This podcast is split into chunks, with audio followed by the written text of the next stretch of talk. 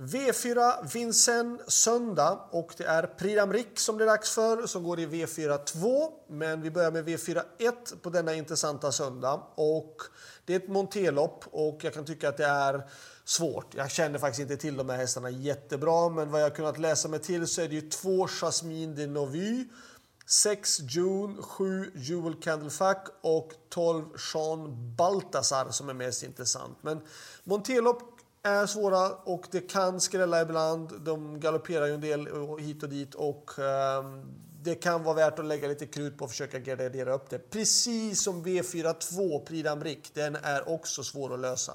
Jag tycker det är ett väldigt, väldigt öppet Prix d'Amérique i år. Ehm, många hästar som har chansen.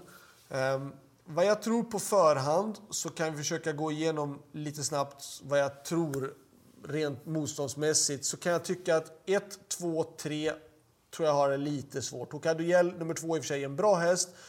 Som är intressant att gå barfota, men ändå. Jag tycker att det är lite mer intressant att på fyra Husar du Landré som ska gå barfota.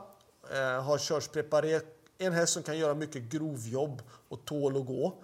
Eh, likadant med fem Isoar Vadeke är också väldigt stark och tål mycket grovjobb och kan göra jobb. Sex Guderipri är också väldigt duktig. Det är en av de få som kan göra också lite grann jobb hela sista tusen ut i tredje spår. 7 Go On Boy. Superintressant. Det kommer nog vara allt eller inget med tanke på att det är barfota runt om. Eh, hästen har ju inte riktigt funkat barfota runt om en gång tidigare men den här gången testar man igen och man är ute efter att försöka vinna Prix d'Amérique. Och jag kan tycka att den är en stor varning på honom i alla fall med tanke på just balansen. Sen då 8, 9, 10 tror jag får det lite svårt. Däremot så går vi vidare till 11 Apia Mede SM som har toppform. Hon har verkligen sett jättefin ut. 12 Ida de det är ju förhandsfavoriten som är väldigt bra. Har ju dock varit sjuk och stått över lite grann men har tränat de sista 10 dagarna och man har ju då för ambitioner. Han är alltså den som är mest snabb tycker jag i det här loppet. 13 Hail Mary tävlade senast med PG-skor fram och det betyder att det är ganska så tunga skor och boots och den här gången är det barfota runt om och man var väldigt nöjd och jag satt bakom honom senast och han såg jättefin ut och han har en chans att kunna vinna det tycker jag. 14 Hookerberry är den som har sett absolut bäst ut de här sista 14 dagarna när jag sett träningsjobben här på plats. Sista veckan här nu eh, har han gått jobb nästan varenda dag känns det som och han har sett jättefin ut. Uh, han är mycket mer spänstig nu och han har preparerats för det här under en längre tid och jag bedömer han som superintressant.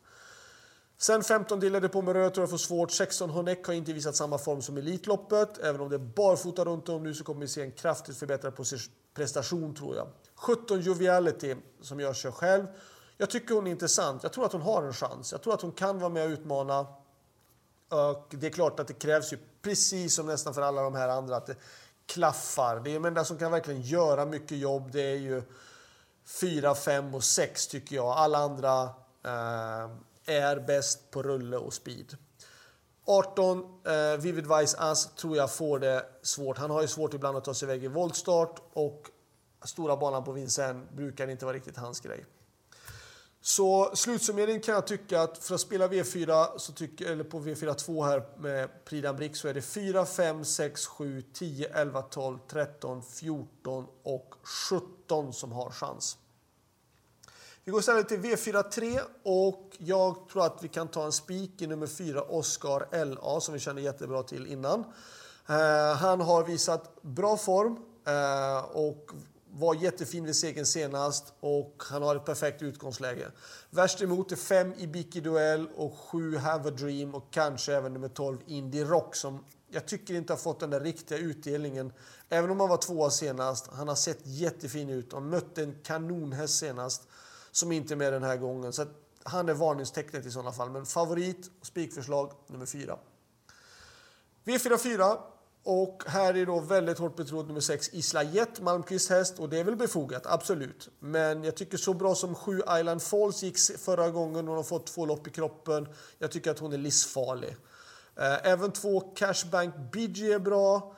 8 Clarissa som vi också känner till och 13 Bahia de Circeo är också intressant. Så att första hästar är ju 6 och 7 och 8 men även 2 och 13 är intressanta.